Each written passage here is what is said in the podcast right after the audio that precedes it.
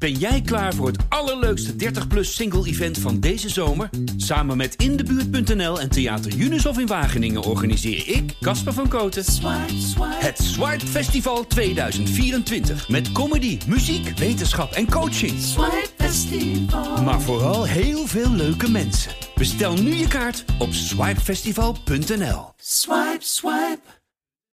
Iedere week op flaironline.nl en nu ook in een podcast. Een erotisch verhaal opgebiecht door een flairlezeres.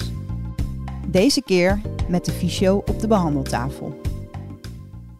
Het klinkt alsof het rechtstreeks uit een pornofilm komt, maar dat is echt niet zo. Alhoewel, toen ik er middenin zat, dacht ik ook dat het uit een pornofilm kwam. Seks met de Ficho. Wie had dat gedacht? Ik had het wel gehoopt hoor, toen ik hem zag. Wat een knappe vent. Die armen, brede schouders, goede spieren. Je kunt zien dat hij veel sport. Dat mag natuurlijk ook wel, voor een fysio. Maar dat lijf was niet eens alles. Het waren vooral zijn ogen. Hij vroeg me iets en hield dan net iets te lang mijn blik vast. In de kroeg had je een glimlachje gegeven, maar in de kamer van de fysio, tja, dan kijk je maar weg. Tot ik op de behandeltafel moest gaan zitten. Je mag je shirtje wel even uitdoen, mevrouw, zei hij. Mijn hemdje ook? vroeg ik daar werd bevestigend op geantwoord. Alles uit. Thank God dat ik mijn oma BH niet aan had. En daar zat ik dan, op de behandeltafel. Hij pakte meteen mijn schouders vast en begon te masseren. Ik snap wel dat je hier last van hebt. Het zit echt helemaal vast, zei hij. Vervolgens mocht ik komen staan, gebogen over de behandeltafel. Zo kan ik goed je ruggengraat volgen, zei hij. Dus ik sta daar en voel dat hij achter me komt staan. Van schrik gilde ik even en hij lachte. Wat is er? Nou, uh, niks. Het is alleen een tijdje geleden dat iemand zo achter me stond, lach ik. Wat een opmerking ook weer. Blij dat ik met mijn hoofd naar beneden keek. Oh, je hebt geen verkering? vroeg hij. Nee, nee. Ik ook niet, zei hij. En op het moment dat hij dat zei, deed hij nog een stapje dichter naar me toe. En ik dacht dat ik me verbeelde, later bleek van niet. Het leek of ik zijn stijve pik tegen mijn billen voelde duwen. Dan mag je nu weer draaien als je wil, zei hij. Hij deed een stap naar achter en ik zat voor hem op de behandeltafel. Hij keek me aan en ik voelde mijn buik samentrekken. Langzaam blies ik uit om op adem te komen. Hij zag het en zei: Is er iets?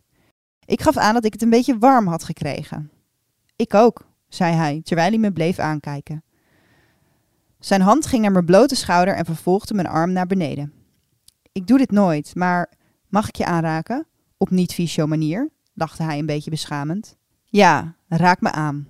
Vanaf dat moment gingen we los. Die arm die net nog lief naar beneden streelde, had nu mijn borst te pakken. Hij zoende me en draaide ons om. Hij op de behandeltafel, ik met mijn benen om hem heen geklemd. Perfect uitzicht op je prachtige tieten, zei hij.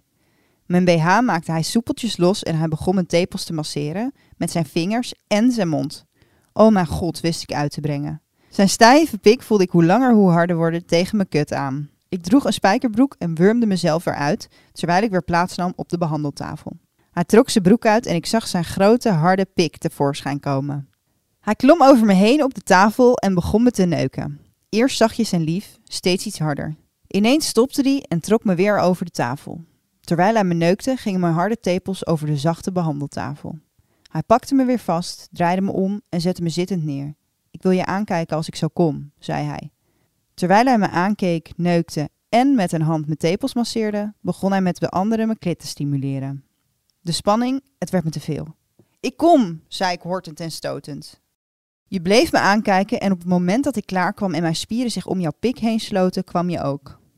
Jezus, wat ben je lekker, zei je, met je pik nog in me hangend en met je armen om me heen. We kleden ons weer aan en toch een beetje beschaamd nam ik weer plaats op de stoel.